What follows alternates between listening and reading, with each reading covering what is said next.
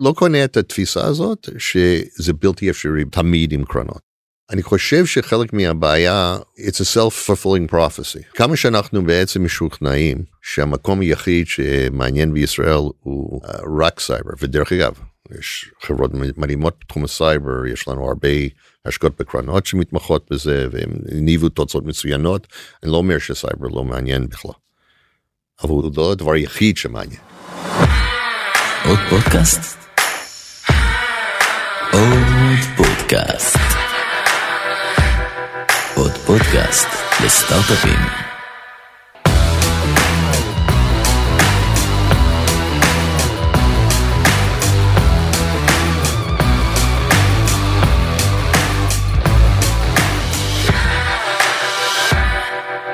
אלן, בוקר טוב, תודה שהצטרפת אלינו. כבוד, כבוד שלי. אז אני רק אגיד אה, שאנחנו ככה שוחחנו לפני הפרק ואני מכין את המאזינות והמאזינים שהשיחה הזאת תהיה היברידית בין אנגלית לעברית אנחנו נעבור בהתאם למה שנוח לך מה שנוח לנו. אני אעשה הכי טוב שאני יכול. אין בעיה. אחרי 30 שנה אם אני לא יכול אפילו לדבר בעברית זה בעיה. אני רציתי לשאול אותך קודם אה, שאלה מאתגרת. Mm. מה התחושות והמחשבות שלך על ההייטק הישראלי אחרי ה-12 חודשים האחרונים שעברו אלינו השנה לא פשוטה שעברה על ההייטק הישראלי. מאוד לא פשוטה. Um, תראה אני מצד אחד אני אופטימי בצד אחד uh, אני דואג. אני אופטימי כי אחד מהדברים שמאוד מרגש לפחות לי אני רואה כמה חברות שצוותים uh, uh, הרבה מאוד אנשים מהצוות היו במילואים. ובכל זאת קודם כל בהייטק אני חושב שאנשים נתנו תמיכה מדהימה בעובדים שלהם שאני חושב שזה זכות לתעשיית ההייטק. אבל מעבר לזה מדהים בעצם שהם ראו שההצלחה של החברה הוא כמו משימה לאומית. Uh, you know, מדברים resilience, resilience, resilience, אבל בסדר, זה, זה הפך להיות, uh, you know, קלישה. כשאתה רואה את זה בתוך החברה, ואתה רואה איך אנשים אומרים, שמע, התרומה שלי למדינה זה גם ההצלחה של החברה, שהחברה תשרוד ועדיין נצליח וכולי. אני ראיתי את זה כ... כדבר נורא חזק. בהרבה מאוד מקרים אחרים או במדינות אחרות אני כמו שאתה יודע אני לא נולד, לא נולדתי פה. Um, הרבה מקרים שיש איזשהו אתגר כזה אנשים uh, קורסים. מדהים כמה שאנשים uh, uh, התחזקו בתקופה הזאת uh, וגם עשו כל מה שאפשר כדי לתמוך בחברה. מה שמדאיג אותי הוא משהו שכבר מדאיג אותי הרבה זמן. שאני רואה ירידה מאוד מאוד גדולה לצערי בכמות של חברות חדשות שמקימים. אני רואה הרבה uh, מה שקוראים more of the same. Uh, במובן מסוים אנחנו משחקים את המשחק של אתמול. Uh, ופחות את המשחק של. הלוואי שהיה מצב שבמקום יזמים אומרים שמע הנה מה שעשיתי בצבא אני מעביר את זה ואני עושה חברה סביב זה ב... שיחשבו אוקיי מה יהיה חשוב בעוד חמש עשר שנים מה החזון שלי. החזון בישראל עכשיו זה בעיה בכלל כי אתה רואה את זה חסר את החזון בצד הפוליטי ברור. אבל אני גם חושב בצד, בצד העסקי איפה ההזדמנות באמת? לא רק היום אלא בעוד חמש עשר שנים ואיך אני מגיע להיות המוביל בזה. אני חושב שיש תחומים מאוד עם פוטנציאל מאוד מאוד גדול. שאנחנו פשוט לא שחקנים שם. ואם אנחנו לא מתעוררים ואומרים מה שהיה לא בהכרח יהיה זה מה שיהיה יהיה לנו בעיה יותר אקוטית מאשר מלחמות וגם אפילו מאשר מאשר המהפכה המשפטית. אז התחומים האלה שאתה מדבר ההבדל בין המשחק של אתמול mm-hmm. למשחק של מחר mm-hmm. אז אני רוצה קצת להוסיף לפרשנותי וזה גם משהו שנאמר mm-hmm. פה הרבה בשיחות. היה לנו מזל אנחנו כמובן גם מוצלחים oh. אבל היה לנו מזל שכוח אדם שיוצא מהיחידות הטכנולוגיות בצה"ל ולומד סייבר. ידע לצאת ולממש את הטכנולוגיות האלה באזרחות בתוך תעשייה שהולכת וצומחת וישראל היום היא באמת מובילה בקטגוריה אבל. בתחומים כמו בריאות ואקלים אבל גם אפילו סייבר עובר שינוי. כי אם אתה, you know, אחד מהדברים שכמו שאתה יודע שיש לנו זה שירות בחינם שאנחנו עובדים די צמוד עם CISOים ו-CIOs וכל מיני. שאומרים לנו מה כואב להם ואז אנחנו מחפשים להם טכנולוגיה אנחנו עושים את זה בחינם כדי לעזור לתעשייה באופן כללי וכולי אנחנו גם לומדים מזה וכולי. אחד מהדברים שאנחנו שומעים כל הזמן מ-CISOים שאתה מה אל תביא לי משהו חדש תביא לי משהו ש... שמוציא לי 50 מאפליקציות סייבר שיש לי. כי יש לי בעיה שזה לא מדבר עם זה ולנהל את זה זה קטסטרופה וכולי אז uh, זה לא במקרה שפאלו אלטו נטוורקס קונה כל הזמן חברות וכולי הם מבינים שבעצם אנשים רוצים לקנות מפחות uh, ספקים ובעולם שיהיה יותר ויותר קונסולידציה זה בסדר גמור. Uh, כי זה יהיה אקזיטים יהיו רכישות אבל אבל הכמות של חברות שאנחנו רואים מול הכמות של רכישות יהיו הוא לא פרונציונלי לחלוטין זאת אומרת אחוז שיש לנו היום בעולם של סייבר מהחברות הסטארט-אפים פה הוא כמו אנחנו שמים הרבה מאוד מה, מהביצים שלנו בסל מאוד מאוד קטן. אני רואה את זה גם ב business software כי אחד מהדברים uh, שאני רואה יותר ויותר משיחות עם CIOים יש איזושהי תחושה שהם קנו וקנו וקנו אני זוכר you know, כמו שאמרת אני uh, איש אני זקן אני עברתי גם את הדבר שקראו לו client servers והיה consolidation ב client servers בשנות 2000 אחרי שנות 2000. אנשים רצו לקנות פחות uh, שחקנים. ואני מרגיש את זה היום גם. אז להיות עוד אחד, you know, אתה, אתה רוצה להיות uh, חברה 9501 ב marketing tech? בשביל מה?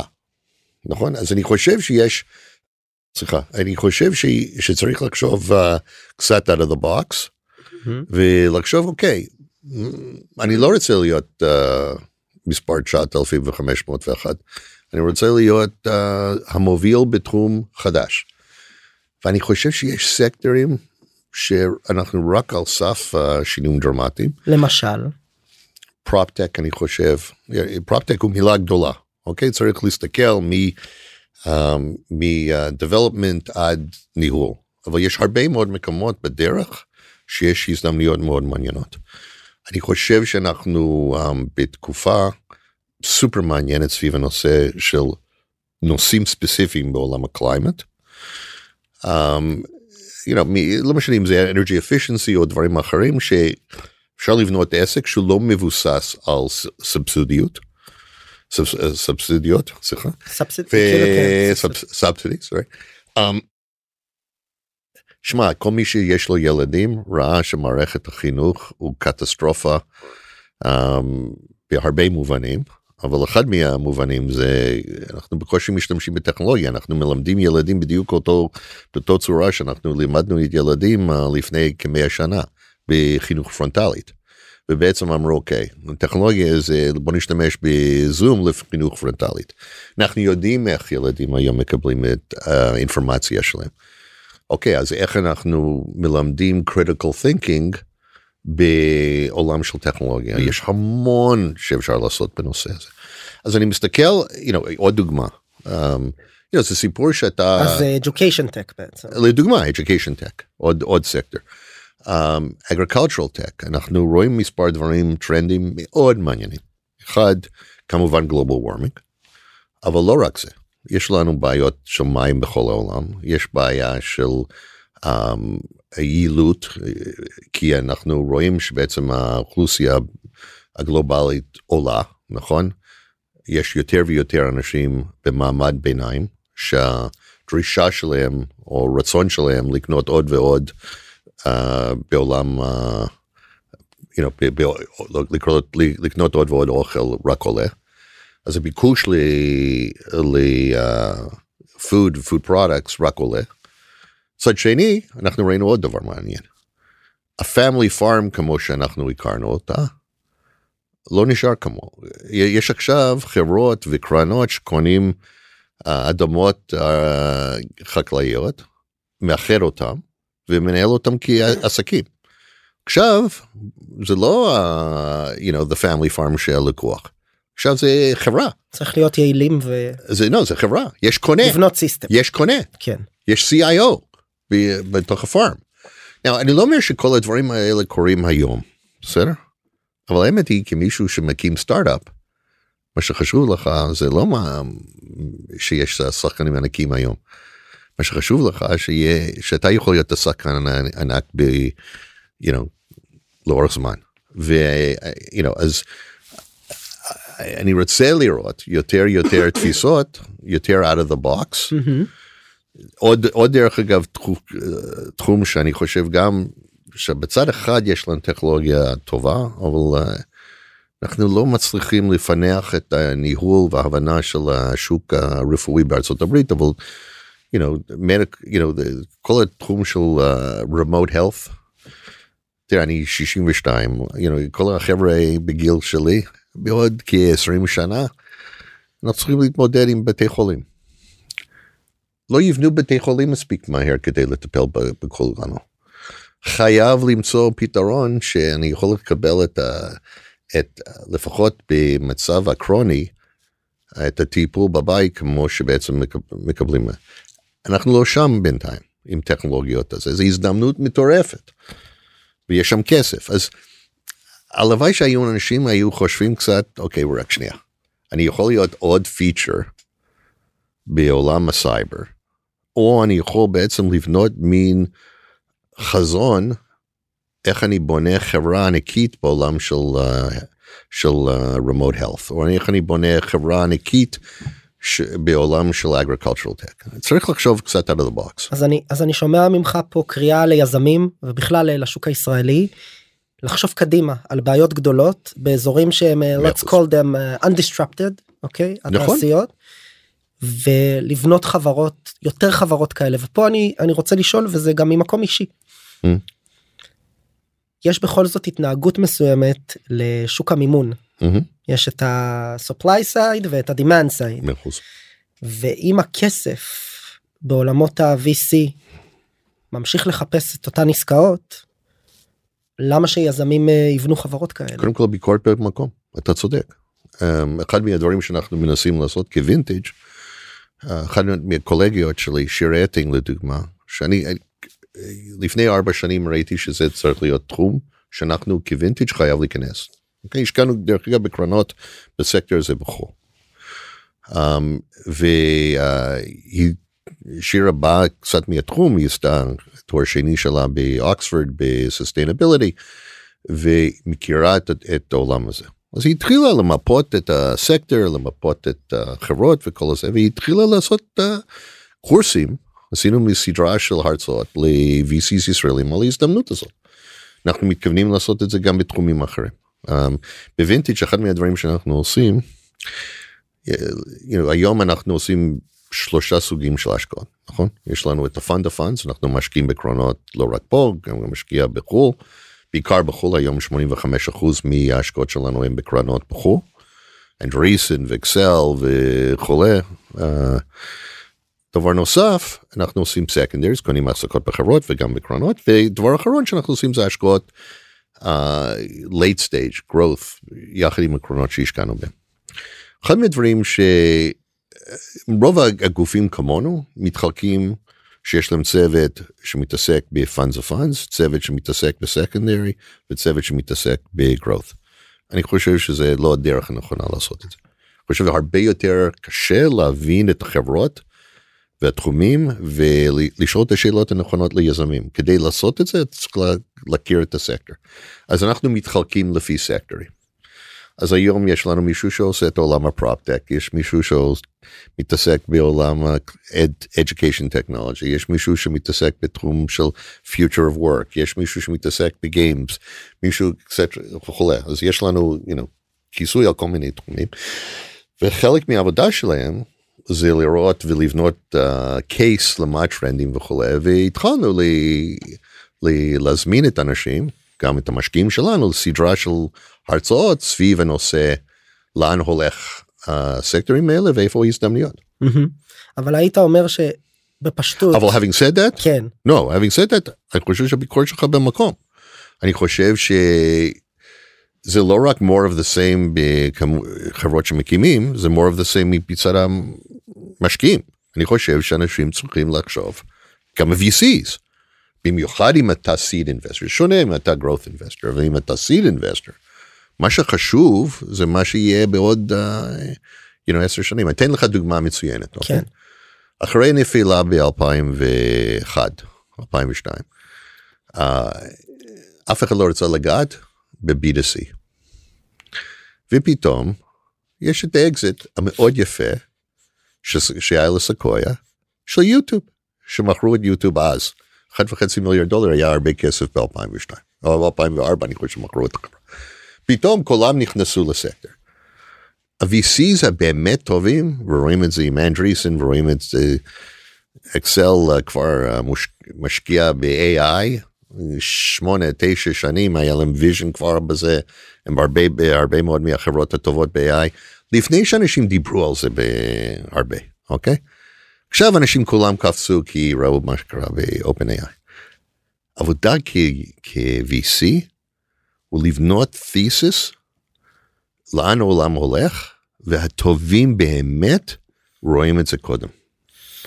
זה לא מאוד קשה כששוק ה-M&A פה הוא מאוד מאוד biased ל industries מסוימים יש פה רוכשים קבועים שמייצרים אה, סיפורי הצלחה ורול מודלים בתעשיות מאוד מסוימות from one hand ומהצד השני אם אני יוכל להשלים וזה חשוב יש טענה שאולי שאולי בכלל ה-VC מודל לא מתאים לחלק מהתעשיות האלה בעולמות של אגרי ופוד לוקח הרבה זמן ובריאות גם לפעמים אתה לפעמים מייצר טכנולוגיה מאוד עמוקה לוקח הרבה זמן להגיע לשוק. המספרים הם לא מספרים של אה, חברת סאס. כן, אתה יודע מה? תראה בוא ניקח לחברה uh, בתחום הבריאות. אנחנו מושקעים בחברה בשם uh, General Catalyst ועוד קרן שם בשם uh, Seven Wire. שמע תראה את לבונגו שמכרו ב-19 מיליארד דולר. אני לא קונה את הקטע שאי אפשר להרוויח כסף בעולם של בריאות. Um, אנחנו יש לנו קרן שמיועדת להשקעות במדטק uh, בסדר uh, שוב פעם גם בדיג'ל הלף וגם ב... um, בביוטק. שמע יש לנו תשואות ב... you know, יש לנו קרנות עם תשואות מצוינות. I, you know, אני לא קונה ש... Uh, אני לא אומר שבעצם ה-VC מודל הוא מתאים לכל תחום. כן. אבל הרבה מאוד מהתחומים שאני מזכיר, יש קרנות uh, שמצליחות מאוד. בפרופטק קרן שקוראים לו fifth wall ו, ועוד, you know, יש קרנות שמצליחות בתחום. באדטק יש GSV ואוול. Um, אני ו, וגם יש להם uh, תשואה טובה אז אני לא, לא קונה את התפיסה הזאת שזה בלתי אפשרי ב, עם תמיד עם קרנות. אני חושב שחלק מהבעיה הוא it's a self-fulfilling prophecy. כמה שאנחנו בעצם משוכנעים שהמקום היחיד שמעניין בישראל הוא uh, רק סייבר ודרך אגב יש חברות מדהימות בתחום הסייבר יש לנו הרבה השקעות בקרנות שמתמחות בזה והם הניבו תוצאות מצוינות אני לא אומר שסייבר לא מעניין בכלל. אבל הוא דבר הוא לא הדבר I mean, הוא, הוא לא הדבר היחיד שמעניין. אוקיי אז יש דברים אחרים ויש יכולת נוספת פה אז אני צריך לחשוב קצת uh, יותר רחב יותר out of the box. וזה מה שאתם עושים היום עם מנהלים ישראלים אתם רואים יותר מנהלים חדשים או מנהלים קודמים שוקלים ממש לשנות את התזה שלהם אנחנו מנסים אנחנו מנסים לעבוד איתם. תראה, אנחנו רק uh, אנחנו מוכנים להשקיע בקרנות uh, שהם first time funds אבל עם מנהלים שהצליחו להש... בהשקעות שלהם בסקטורים אחרים.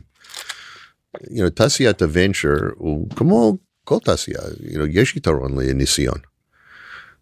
אני מבין שאין uh, ניסיון בהשקעות ב, you know, רק בפרופטק או רק בזה, אבל אם מישהו יודע איך לי, you know, אחד מהדברים שלמדתי מהתעשייה הזאת, היא גם מההשקעות הטובות וגם מההשקעות הלא טובות. Okay?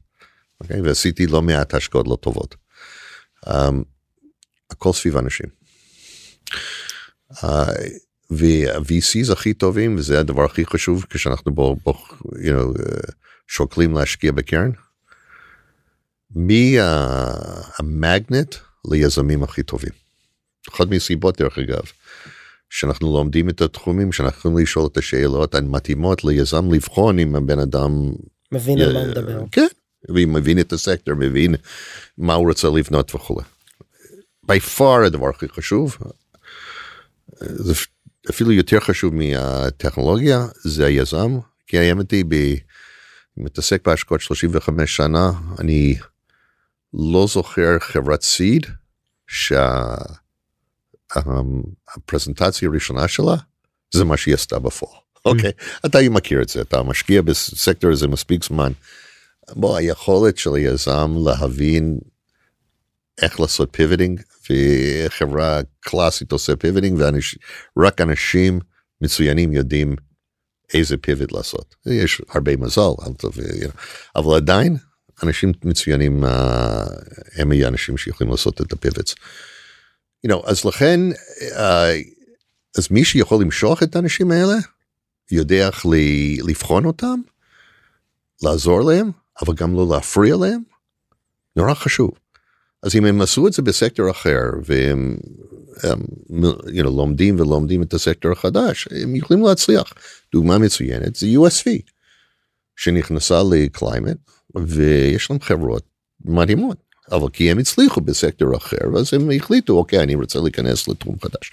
אני רואה את זה בקרנות אחרות. אז uh, אני, אנחנו מנסים להגיד לקרנות פה, חבר'ה, תבנו מין חזון. מה אתם באמת מאמין, לך ללמוד אותו. תעשו מה שאנחנו עשינו, שלחנו את האנשים שלנו ללמוד. את הסקטור, להיפגש עם כמה שאפשר, ללכת לכנסים, לדבר עם כל מי שהם יכולים לעשות, לא לעשות אף השקעה, חכה, לך ללמוד. זה צריך לעשות את זה. דרך אגב, ה-VCs האמריקאים הטובים, זה מה שהם עושים כל הזמן. יש לכם כמו שציינת שלוש קרנות או שלושה מכשירי השקעה. Funds of funds השקעה בקרנות בעצם במנהלי הון סיכון בעצמם. נכון. סקנדרי רכישה שניונית מבעלי מניות בחברה או היזמים או המשקיעים. מהמם. אתם עושים גם סקנדריס בקרנות בתוך גם. הסקנדריס. והשקעה בחברות צמיחה. מהמם. וכל המכשירים האלה ביחד מהמם. אני תמיד אוהב אה, להגיד וגם מתרשם מזה מהצד וחשוב אולי לה, להסביר את זה למאזין או המאזינה הממוצעים נותנים לכם access למבט מאוד רחב נכון, גם על השוק הישראלי נכון, וגם על השוק האמריקאי. נכון. מה למדת מהדאטה הזה לאורך אה, שנות הקריירה שלך או מה אתם אה, איזה מגמות אתה רואה בתקופה הזו שאנחנו צריכים לשים לב אליהם. אני שואל את זה בכוונה פתוח ונותן לך to אז אז- דאבל קליק איפה שאתה רוצה. well, קודם כל הנושא הראשון שאמרתי זה הנושא של לחשוב out of the box ולחשוב קדימה. הקרנות by far הכי טובות הם הקרנות שמסמנים סקטור, לומדים אותו, בונים תזה סביבה, יושב עם כל מי שיושב בה או ב- שמתעסק בתחום ובוחר את החברות הכי טובות ויזמים הכי טובים ובונה קדימה. אני חושב שאנחנו חייבים לחשוב uh, במונחים האלה. נושא שני אני חושב שאנחנו um, צריכים לחשוב um, אנחנו מס, מתאהבים פה יותר מדי בטכנולוגיה ופחות uh, מתרכזים על היזם בגלל כל השינויים שצריכים. יש לי איזושהי תחושה לפעמים שאתה מה המנכ"ל הזה טכנולוגיה מדהים אני אשים עליו um, עולה מנכ"ל חדש לא עובד. הסתכלנו על הדאטה, אוקיי? הסתכלנו על אקזיטים ב-20 שנות, שנים האחרונות, הסתכלנו על כל האקזיטים מעל 500 מיליון דולר. משהו כמו 90% מהחברות היו מנהלות על ידי היזמים בזמן האקזיט. זאת אומרת אם אתה לא מאמין שמנכ"ל של היזם יכול לעשות לבנות את החברה אל תשקיע בה. אז יש לנו את היהירות הזאתי שאנחנו איכשהו נביא מישהו יותר טוב מהיזם. ולפעמים ואני דרך אגב אני גם עשיתי את הטעויות האלה אני חושב שאין לנו מספיק um, כבוד ליזמים. אני חושב שבחלק מהמקרים אני כמו שאמרתי אני גם עשיתי את הטעויות האלה. you know, אם, אם עשית טעות, תיקח קצת אחורה, תן להם מה זה, תמחוק. אבל אל תנסה לי להרוס להם את החלום שלהם. אתה מדבר מהאינבסטור סייד מ-investor side. אם השקענו ואנחנו מזהים בדינמיקה שאנחנו לא מסכימים עם היזם וחושבים שהוא טועה. לא, אני אומר, צריך. לשכנע, וצריך. לנסות לשכנע, צריך להראות להם את זה. you know, אבל אם אתה חושב שלחלוטין שעשית טעות, אוקיי? אה, אני, you know, כל תהליך אתה עושה, אתה חייב לעשות יחד עם איזה יזם. אם אתה מתחיל ללכת כסח עם היזם על, על הכל, וכמו שאמרתי, אני גם עשיתי את הטעויות האלה, אני חושב שזה טעות. אני חושב שזה טעות. אני חושב שצריך לכבד את העובדה שבן אדם הקים את זה בידיים. נכון, בוא, שמת כסף אה, וכולי, אבל, אה, אבל, לפעמים יש לנו יהירות מסוימת שאנחנו מכירים את הביזנס הזה יותר טוב מהיזם, ועם כל הכבוד, הרבה אנשים, אנחנו עושים הרבה כדי לדבר עם לקוחות, אבל שמע, הם, הם ב... you know, they're out there. כן. הם מדברים עם לקוחות. in the in the trenches. נכון, נכון, אז, אז אני, שוב פעם, אני לא אומר, צריך לקחת את התפיסה, היזם תמיד צודק, זה לא נכון. ויזם טוב דרך אגב, ויש לי, הצלחתי להשקיע במספר יזמים מדהימים, אוקיי? באמת מדהימים. הם מאוד ביקורתיים על עצמם. הם מתחילים את הבורד מיטינגס בהנה מה אני לא עשיתי נכון, הנה מה שכן עשיתי נכון, הנה איפה שאני צריך את העזרה. Uh, ו... וה-self awareness הזה מאוד מאוד חשוב. היזמים האלה מאוד מצליחים, אוקיי? ואנשים שרואים את ה-board members כשותפים שלהם ולא מישהו שצריך למכור כל הזמן עליו, נכון? כן. Uh, כי אנחנו כבר בפנים, בוא חבר'ה, אל תמכור לי. תספר לי את ה, גם את החדשות הטובות, וגם תספר לי את החדשות הרעות, אוקיי? We're in it together. אבל בהנחה שמישהו עושה לך את הדבר הזה, you know, צריך גם ל- ל- להגיד את דעה שלך, אבל גם לכבד את העובדה שהם המנכ"ל. ולא לעשות micro-management, ויש נטייה מסוימת לעשות micro-management, או you know, להחליף את, ה, את, את היזם בקלות, וזה בעיה. מה אתה רואה מהמספרים? אני רק אגיד היה לנו בדצמבר כנס משותף שבו אתם תמיד אה, לוקחים חלק ואנחנו כן. מודים לכם על זה. מהמם. ואסף אה, חורש הציג את המצגת. השנתית הקבועה שלו על הנתונים. גם על ארצות הברית ואירופה וגם מהמם. על ישראל אני לא רוצה לחשוף פה את הנתונים הגולמיים כי אסף מסר לי שאתם תפרסמו אותם בזמנכם כן, אבל אני רק אגיד שהוא הציג נתונים שבגדול הראו ירידה נכון, ירידה גם בהיקף הכספים שמגויסים על ידי קרנות נכון. בחול וגם בארץ נכון. ומתוך זה צפי שהדבר הזה ישפיע על המשך הירידה אולי אולי מהמם. אנחנו לא נביאים בהון המגויס על ידי חברות ישראליות. גם. נכון. איך את תוכל לספר על זה קצת עוד אתם ראיתם כמה סייקלים איך אתם רואים את הסייקל הקרוב ומה יזמים ויזמות וגם מנהלי כספים כמוני צריכים לעשות כדי להתנהל בו בצורה יותר חכמה. קודם כל זה בעיה גלובלית. אה, אני חושב שאולי הירידה יותר חדה בישראל בגלל המצב הביטחוני פלוס המצב ה- ה- הפוליטית, אבל בעיה גלובלית. מצד שני, יש לא מעט כסף בידיים של משקיעים. והרבה מאוד חברות, זה, זה מאוד נדיר שחברה באמת מצוינת לא מקבלת כסף.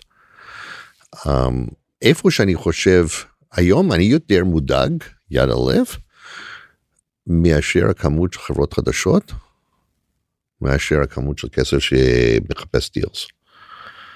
Uh, וכמו שאמרתי, יש יותר uh, more of the same. אנחנו ראינו לדוגמה, מאז 2014 יש ירידה מתמדת בכמות של חברות סטארט-אפים שמקימים בישראל. מדאיג. זה מדאיג. אז היום מה שמטריד אותי במיוחד זה שלב הסיד.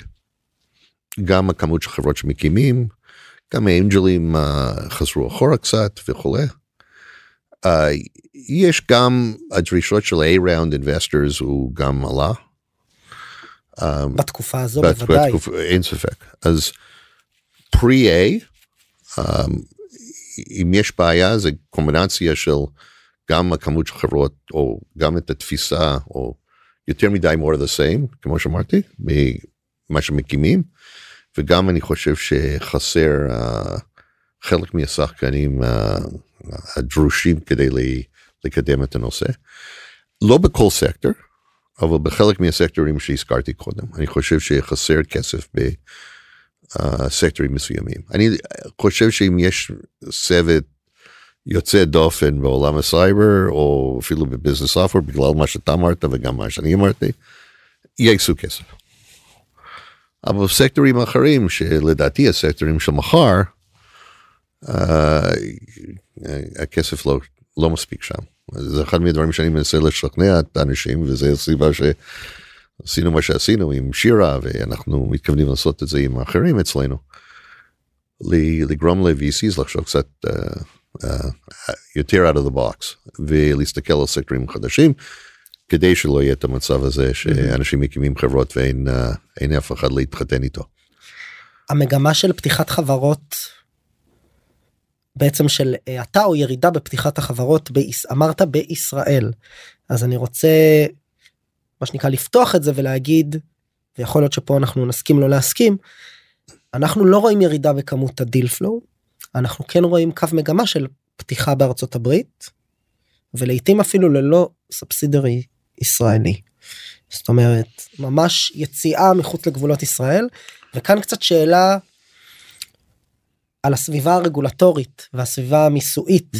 האם שם אולי הבעיה ואם נייצר השוואת תנאים אוטומטית אה, בינינו לבין אה, state of Delaware למרות שעכשיו זה הראה, יש זה, את כל הסיפור זה, עם, זה, עם מאסק, נכון, כן? זה, זה, זה הערה מאוד מעניינת, um, ויכול להיות... האם, ש... האם גם פה אנחנו... אבל, מאחור... אבל יש עוד אלמנט, דרך אגב, okay. שאני חושב גם חשוב. כן. Um, you know, כתבתי uh, קצת מחקר על הנושא הזה. אם אתה מסתכל לדוגמה, אוקיי, הרבה מאוד מהסקטורים שהזכרתי קודם, אפילו AI, הרבה מאוד מהטכנולוגיה AI מפתחים באוניברסיטות. אחד מהדברים שמדאיג אותי ויכול להיות שזה מאוד משפיע בין היתר לא רק הנושא רגולטורית שמשפיע על מה שאתה אמרת ואני חושב שאתה צודק. הוא um, אם אתה PhD היום נכון? ואתה מגה סטאר. איפה אתה מקבל את התקציב למחקר? MIT, סטנפורד. יפה. לא פה. לא. הסתכלנו על כל האוניברסיטאות בישראל יחד הם פחות מתקציב המחקר של אוניברסיטת, אוניברסיטת מישיגן. אז איפה, למה יש לנו כל כך הרבה חברות uh, בסקטורים uh, של סייבר וזה? כי תקציבי מחקר הם בתוך הצבא. הצבא לא מממן מחקר בכל מיני באג uh, טק, אוקיי? ולא בבד טק ופרסי, אוקיי? אז אני חושב שחלק מהנקודה שאנחנו רואים, ודרך אגב הנתונים מראים את זה, uh, מספר, אנחנו, אנחנו מספר אחד בעולם בייצוא פר קפרה של PhDs. Uh, יש לי חבר שהבן שלו היה חייל בשייטת, למד nanotech, PhD בקיימברידג', פוסט-דוק ב-MIT, קיבל הצעה פה של תקציב מחקר 20 אחוז ממה ש-MIT הציע לו. אוקיי? הבעיה יותר אקוטית להערכתי זה לא רק הנושא הרגולטורי זה עובדה שבעצם הסדר העדיפות של הממשלה הוא דפוק. סליחה, אני כן. שאומר את זה. אבל אם אנחנו לא משקיעים במכונות uh, uh, או מכונות הצמיחה העתידי של מדינת ישראל ולא לתת uh, לרשות החדשנות וגופים אחרים שבעצם עוזרים לממן חלק מהדברים האלה ואם אנחנו לא תומכים במחקר באוניברסיטות כמו שצריך אז uh, אנחנו you know, אנחנו נעשה נמשיך לייצא אנשים יוצאי דופן. You know, אנחנו מדברים על האיכות uh, של מערכת החינוך פה אבל האנשים הכי טובים שיוצאים ממערכת החינוך לא נשארים. Mm-hmm. וזה העתיד של ההייטק שלנו. אז זה, לאמת זה מדאיג אותי יותר מהנושא הרגולטורית וכל דבר אחר. אז הנה הגענו קצת לפוליטיקה ופה אני רוצה להוסיף הערה אה, אפילו באלף. שהתחושה היא בשנה האחרונה לא משנה כרגע בעד הרפורמה נגד הרפורמה. אגב אנחנו פה בפודקאסט עשינו אה, לפני מעל לשנה שני פרקים בעד ונגד Mhm. רפורמה. אז ככה השתדלנו להציג את שני את שתי העמדות. אה, לא משנה כרגע מה דעתך או דעתי על, אה, על. המלחמה מאז השביעי באוקטובר מהמם. לא בצד הפוליטי ולא בצד המדיני ההערה באלף היא שיש תחושה שההייטק בתוך הפוליטיקה בין אם אתה בעד ובין אם אתה נגד הייטקיסטים שעד היום אה, ישבו במגדל השן והרוויחו משכורות טובות ונהנו מתנאים טובים מהעובדים בחברות הגדולות דרך המשקיעים ועד היזמים כולם מעורבים בצורה כזו או אחרת אה, בפוליטיקה. עמדתך לגבי זה גם אתה התחלת להביע יותר ויותר את דעתך. למה? מעניין אני אני חושב שאנשי אנשים שמתעסקים בהייטק לפי ההגדרה אם אתה משקיע בהייטק או אתה מקים חברה אתה אומר שהסטטוס קוו לא לא מספיק. אתה רוצה לשנות משהו אתה רוצה לשפר משהו. אתה לא מקים ח- you know, מישהו שמקים חברה זה חוזר לנקודה שאמרתי קודם רק כי הוא חושב שאני יכול להרוויח כסף.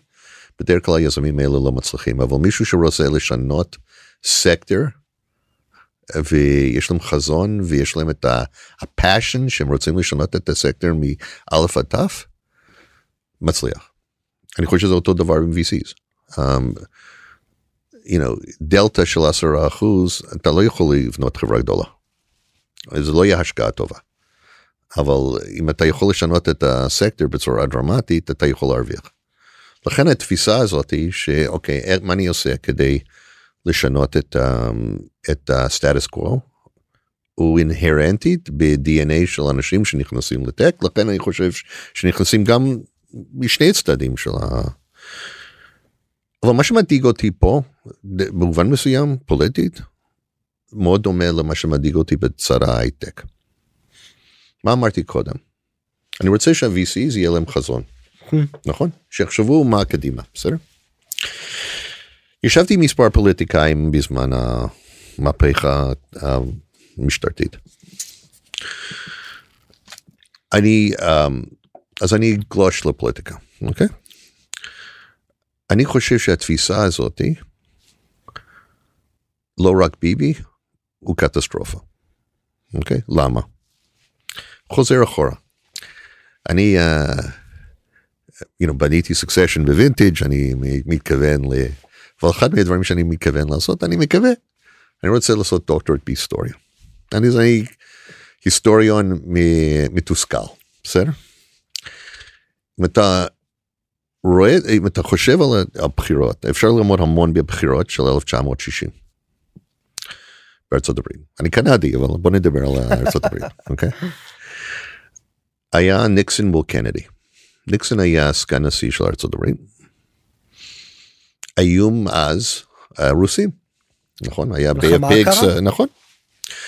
וניקסון אה, גם היה, אה, זה לא נכון, אה, אמרו שהוא היה קשור למקארתי ומקארתיזם, זה לא בדיוק נכון, אבל לא, לא משנה, זה היה קשור למפלגה שלו וכו'.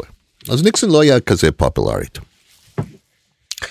וניקסון בעצם מכר, שמע, תצביע בשבילי, תצביעו בשבילי, כי אני, רק אני יכול להתעסק מול הרוסים, רק מול הרוסים. מי זה הילד הזה? אני, רק אני יכול להתעסק עם רוסים. נשמע מוכר? מה קנדי עשה? הוא לא אמר, "ת- תצביע עבורי כי אני לא ניקסון. הוא אמר, הנה החזון שלי לארצות הברית. זה מה שאני רוצה שהמדינה הזאת, איך המדינה הזאת ייראה בעוד עשר, עשר שנים. אנחנו ב-JFK מומנט. אני חושב, וזו סיבה שלדעתי, דווקא אנשי הייטק פעילים בזה, כי מישהו צריך לה, להעמיד חזון למדינה יהודית ודמוקרטית, מה המשמעות שלה. מה אנחנו רוצים? מה היחס לשכנים שלנו בשכונה? מה היחס שלנו לקהילה ערבית ישראלית? מה היחס שלנו לחרדים? מה אנחנו עושים כדי לבנות אתוס משותף במדינה הזאת? ואנשים לא מדברים על זה היום. הם מדברים מה לא, הם לא מדברים על מה כן. אז אני חושב במובן מסוים, אני חושב שגם בהייטק אנחנו לא מספיק מדברים כמו שאמרתי על מה כן. אנחנו גם מדברים יותר מדי על מה לא. אבל הגיעה הנקודה שאנחנו חייבים לדבר על מה כן. ולכן מישהו שחושב חמש עשר שנים קדימה לפי הגדרה זה אנשים שאולי יקפצו קדימה ויעשו uh, את השינוי. אתה רואה ניצנים כאלה של מנהיגות כן. גם בהייטק וגם בפוליטיקה? כן, כן. אני חושב שיש הרבה אנשים ש... Uh, לא אני, אני זקן מדי, אבל אנשים מצוינים, צעירים, שמאוד כואב להם מה קורה. וכן רוצים להיכנס למערכת הפוליטית ו, uh, ורוצים להיות אלה שאומרים אוקיי, אבל הם צריכים להעמיד את החזון. ואני, ואני באמת מאמין uh, שיש אנשים אמיתיים ו... ודרך אגב אני לא מדבר רק מצד אחד של המפה הפוליטית אני חושב שיש אנשים מצוינים מהימין המתון עד השמאל המתון שיכול להעמיד חזון על מה המדינה הזאת ויכול בעצם לעבוד uh, בצורה אחרת להביא את המדינה הזאת. יותר מדי זמן הקיצוניות קבעה את האג'נדה וקבעה את, השיח, את השיח. Um, גם את התרבות דיון הוא קטסטרופה פה. אני זוכר כשעליתי ארצה, um, you know, קנדי, בוא נ... you know, אנחנו כזה נח... מנסים להיות נחמדים כאלה, נכון? Um, היה uh, um, תוכנית שקוראים לו פופוליטיקה. ואני ואשתי ראינו את זה ונבהלנו.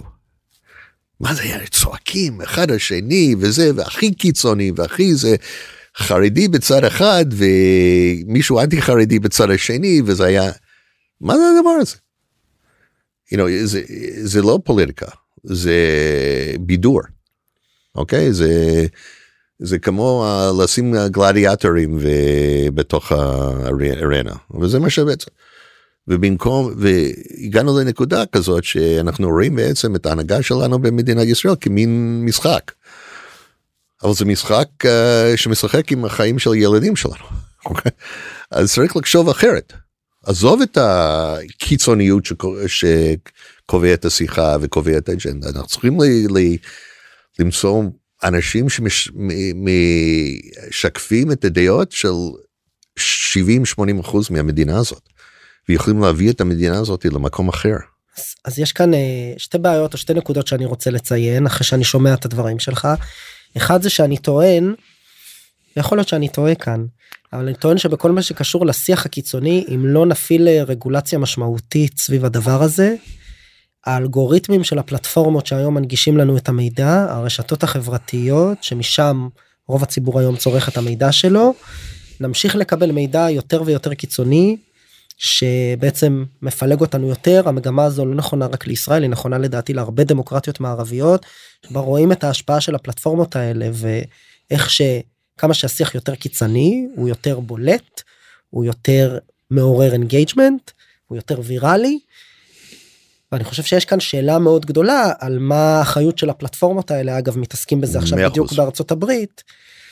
על ה... בוא נקרא לזה המרקם או האווירה הפוליטית אה, במדינות שבהם הם פועלים. צודק, כל כך צודק. זה אתגר לא קטן כי uh, בצד אחד אתה רוצה לאפשר um, חופש uh, דיבור uh, ובלי uh, לגרום לאיום um, ממשי ו, וזה אני מסכים איתך. אני חושב מתישהו יהיה איזושהי רגולציה אבל איך. איך זה ייראה לא מספיק ברור יש מספר ארגונים אני מדבר איתם חלק מהם שעובדים בדיוק על זה אני חושב שזה אפילו יהיה יותר גרוע בעולם של AI. Um, דרך אגב חלק מהכישלון של מערכת החינוך פה שאנחנו מלמדים אנשים איך להצליח במבחן בבגרות. אנחנו לא לומדים או לא מלמדים פה critical thought. יותר חשוב לי לא פיזה סקור שלנו אלא שאנשים יכולים להסתכל על משהו ולשאול את השאלות הנכונות אולי זה לא נכון אולי מה שמביאים אותי אה, לא לא משקף את האמת. יותר מדי אנחנו מערכת החינוך שלנו יש מורה שעומד בראש הכיתה וכולם רושמים ובעצם עושים להם בחינם והם לא חינוך זה איך אני לומד להצליח במבחן לא איך אני לומד אחד איך לאהוב ללמוד וגם איך אני uh, יכול להיות קריטיקל uh, בדעות שלי. וזה דרך אגב אפילו יותר חשוב מאשר רגולציה. כי אני חושב שאנשים יותר מקבלים יותר מדי uh, דברים ברור מאליו. אז uh, לדעתי זה גם uh, לא רק עניין של רגולציה זה גם מערכת החינוך uh, צריך להתעסק עם הדברים האלה. אז נקודה נוספת שמעניינת בהקשר הזה ציינת את הסיפור של החזון אני אתן פה גילוי לב. אני הייתי מאוד רוצה אה, לשרטט חזון אה, למדינה שלנו. אני גם אה, נמנה על מה שנקרא היום זה קצת אה, מביך להגיד את זה אני נמנה על מחנה השלום. אחרי השביעי באוקטובר שותף אחרי השביעי באוקטובר שותף שלי יאיר שלח לי אם אני לא טועה זה היה ב-17 באוקטובר כתבה שיצאה אני מקווה שאני זוכר או בגרדיאן או בוול סטריט ג'ורנל שהידדו מחקר של uh, המכון מחקר לביטחון הכי מפורסם בוושינגטון mm-hmm. שגם גדי איזנקוט היה שם עמית mm-hmm. מחקר וכדומה ששרטטו פחות או יותר את איך ייראה הפתרון אני מדבר ב-17 לאוקטובר עשרה ימים אחרי. ששרטטו פחות או יותר איך הפתרון למדינה פלסטינית נכון. עוד ביטוי שאסור להגיד אותו היום mm-hmm. ייראה ביום שאחרי. Mm-hmm. פתרון שאני לא נכנס כרגע לעמדות פוליטיות ועל האם זה ריאלי mm-hmm. או לא ריאלי אבל אנחנו שומעים עליו עכשיו בתקשורת mm-hmm. גם הציבורית וגם המקומית mm-hmm. בגדול קואליציה של מדינות מערביות oh. יחד עם תמיכה של המדינות המפרץ mm-hmm. של האמירטס mm-hmm. ויחד עם נורמליזציה עם סעודיה mm-hmm. כדי להיכנס ובעצם לעשות איזה תוכנית uh, מדורגת שכוללת uh, שיקום mm-hmm. ממומן. Mm-hmm. אוטונומיה מדורגת פלסטינית mm-hmm. עם הבטחת הסדרי ביטחון לישראל ונוכחות mm-hmm. צה"לית בפנים. וכשאני קיבלתי את הכתבה הזו משותף שלי יאיר הוא גר בארצות הברית אז מצד mm-hmm. אחד הוא מאוד עזר מצד שני הוא היה קצת יותר mm-hmm. מנותק מהאירוע. התשובה שלי הייתה אליו אני לא רוצה לקלל בפודקאסט אבל בגדול יאיר. כוס עמק mm-hmm. מה אתה מעביר לי את הדבר הזה עכשיו אנחנו במלחמה. Mm-hmm. והנקודה שאני רוצה להגיד היא שאני מרגיש שה mindset הזה שלי אז mm-hmm. שהוא אגב במובן מסוים לא רחוק משם היום. Mm-hmm. אני מרגיש שבמובן מסוים הוא ה mindset של הרבה מאוד ישראלים כבר לאורך כמה עשורים. Mm-hmm. אנחנו בתוך סכסוך מתמשך בצדק mm-hmm. או שלא. Mm-hmm. וקשה מאוד להרים את הראש ולנסות לשרטט איזה חזון קדימה. מה צריך לקרות פה? אתה, אתה יודע אתה תמיד נותנים דוגמה הנה okay, אוקיי, אה, אה. דובאי סינגפור בא השליט you can like mm-hmm. it or not אומר הנה איך שזה ייראה ב-2100 ואז יבוא הישראלי המצוי ובצדק ויגיד אלן אנחנו לא בסינגפור אנחנו לא בדובאי mm-hmm. אנחנו וילה בג'ונגל כ... mm-hmm. כדברי אה, אהוד ברק mm-hmm. מה עושים. תראה אגיד לך משהו באותו מידה ש... שאני אומר לשמאל ו...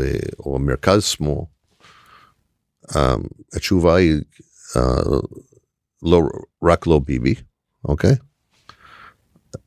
אני אומר גם לימין תפסיקו להגיד לא כל הזמן לכל דבר מה כן. כמו שאני אמרתי מה אוקיי מה החזון של מדינה יהודית ודמוקרטית תעמידו חזון לא רק uh, תצביעו עבורי כי אני לא ביבי צריך גם להגיד לעולם הימין מצד הימין אוקיי תגיד אם אתם אומרים לא בסדר לזה תגידי מה כן. מה המשך של השיחוק כמו שאנחנו מכירים אותו אנחנו יודעים שזה לא יעבוד אוקיי אז מה כן מה אתם רוצים מה, מה החזון שלכם, אוקיי? חוץ מ... נכון? משהו שאף אחד, אה, אני מקווה, אף אחד נורמלית לא רוצה, שזה מדברים על דברים של טרנספר וכולי. תראה, אני אגיד לך מה, אחד מהדברים שאני, you know, אני מתעסק המון בנושא של גיוון ו... Um, ולהביא את הקהילה הערבית בעולם ההייטק, גם חרדית, גם אתיופית וכולי. בווינטג' אני מאוד גאה מעובדה שיש לנו גם אנשים מקהילה ערבית וחרדית ויהודית וכולי אצלנו בפרמה. אנשים נהדרים שגם חיים מצוין בעולם של היום אוקיי. אחד מהאנשים שהשפיע עליי הכי הרבה um, לא פגשתי אותו אי פעם אבל קראתי הרבה מאוד ספרים שלו זה הרב הראשי של אנגליה, יונתן זקס, עליו השלום. כתב ספר מאוד מרתק.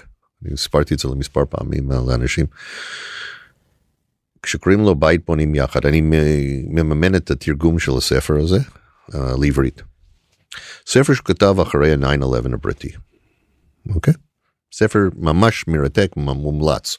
Home We Built Together, בית בונים יחד. הוא בעצם אמר הדבר הבא, אם אתה מסתכל על הרעיון של אמנה חברתית, יש בעיה בזה. זה לא התרגום האמיתי של social contract זה לא אמנה זה חוזה. Now, כשאתה עושה חוזה אתה חושב אוקיי מה אני נותן ומה אני מקבל. Mm. It's a zero sum game. הוא אומר צריך לשנות את התפיסה לברית חברתית. למה ברית? הוא משתמש כמובן במקורות ו... אבל מדבר בעצם שיש מטרה שאני רוצה להשיג ואנחנו עובדים יחד ואנחנו חושבים מולכים מה אנחנו תורמים יחד כדי להגיע למטרה הזאת. אנחנו צריכים אה, ברית חדש עם הקהילה הערבית במדינה הזאת. במקום לה, להסתכל על זה כזירו סם גיין אנחנו צריכים להגיד אוקיי מה אנחנו עושים כמו שאנחנו עושים בחברה שלנו. הצלחה של החברה שלנו כל אחד מהאנשים אצלנו מקבל carried interest אין מישהו שלא כולל האנשים שיושבים בקבלה מקבלים carried interest אם אנחנו מצליחים כולם מצליחים. צריך לי איזושהי תחושה שאם המדינה הזאת מצליח כולם מצליחים ואם כולם מצליחים יעבדו עבור משהו משותף. די הזנחנו קהילות מסוימים ודי אמרנו להם אתם לא חלק מהחוויה הזאת. לכן אנחנו חייבים לבנות תפיסה חדשה. אחד מהדברים שמאוד אני רואה כמאוד מרגש זה תמיכה um, מרוב רובם מהקהילה הערבית והזדהות uh, עם ישראל בתקופה הלא טריוויאלית הזאת. Um, ואני אנחנו לא אומרים אוקיי חבר'ה הנה בוא, בוא, בוא נבנה משהו חדש. אני עדיין מאמין שאפשר לעשות משהו כזה אזורית. לא אני לא נאיבית תאמין לי יש לי uh, בשיא היה לי uh, שמונה ילדים או חתנים או כלות בצבא בחודשים האחרונים חלק מהם בפנים. Uh, ויש לי חברים שאיבדו ילדים ושהרגו להם ילדים וזה זה uh, תקופה מאוד לא טריוויאלית. אבל הגענו לנקודה חבר'ה שאנחנו צריכים גם פה מה כן לא רק מה לא מה החזון מה אנחנו רוצים.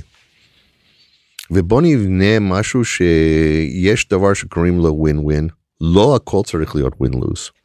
אז ממצב ההייטק וקצת המצב הפוליטי וחזון למדינה אולי שאלה לסיום נסיים בקצת אופטימיות. אתם בסוף פה ואתה אה, משקיעים בהייטק הישראלי זה אומר משקיעים בישראל כבר אה, כמה עשורים.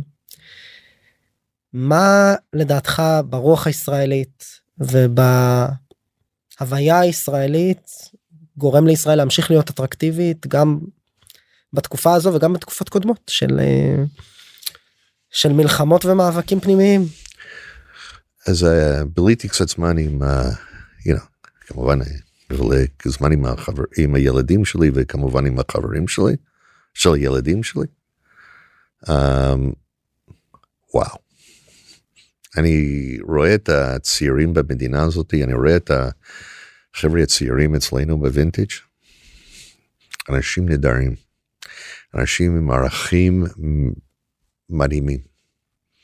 חושב שאחד מהדברים היפים ואני שומע את זה מהילדים שלי uh, שאו בסדיר או במילואים שאת uh, הרוח שם של בוא נעשה שינוי בוא הנה יש לנו מספיק דברים משותפים אנחנו חייבים.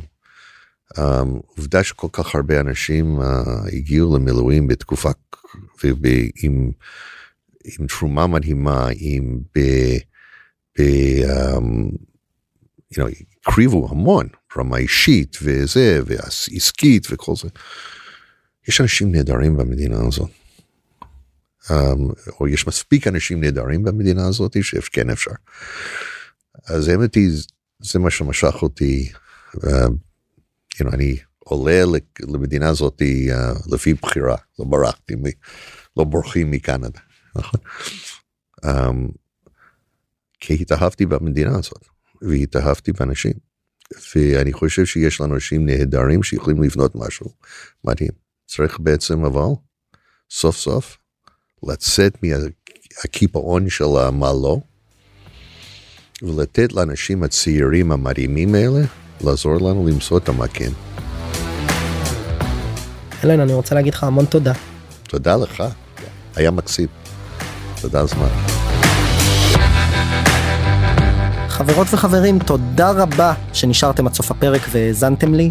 אני מקווה מאוד שהפרק העשיר אתכם ולימד אתכם משהו חדש, ואם הרגשתם שלקחתם משהו מהפרק הזה, אני ממש אשמח שתשתפו אותו ואת הפודקאסט בכלל, כדי שעוד יזמות ויזמים בתחילת הדרך בישראל יוכלו ללמוד על איך להקים ולהתחיל את הסטארט-אפ שלהם.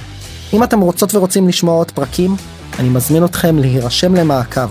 כל הלינקים למעקב אחרי הפודקאסט שלנו מופיע ב description, וכמובן אתם מוזמנים לפנות אליי, או בלינקדאין או באינסטגרם, ולספר לי איך נהניתם מהפרק ומה למדתם, או סתם לכל בקשה ותהייה, גם הלינקים האלה מופיעים אצלנו בפודקאסט. תודה רבה, ונתראה בפרק הבא.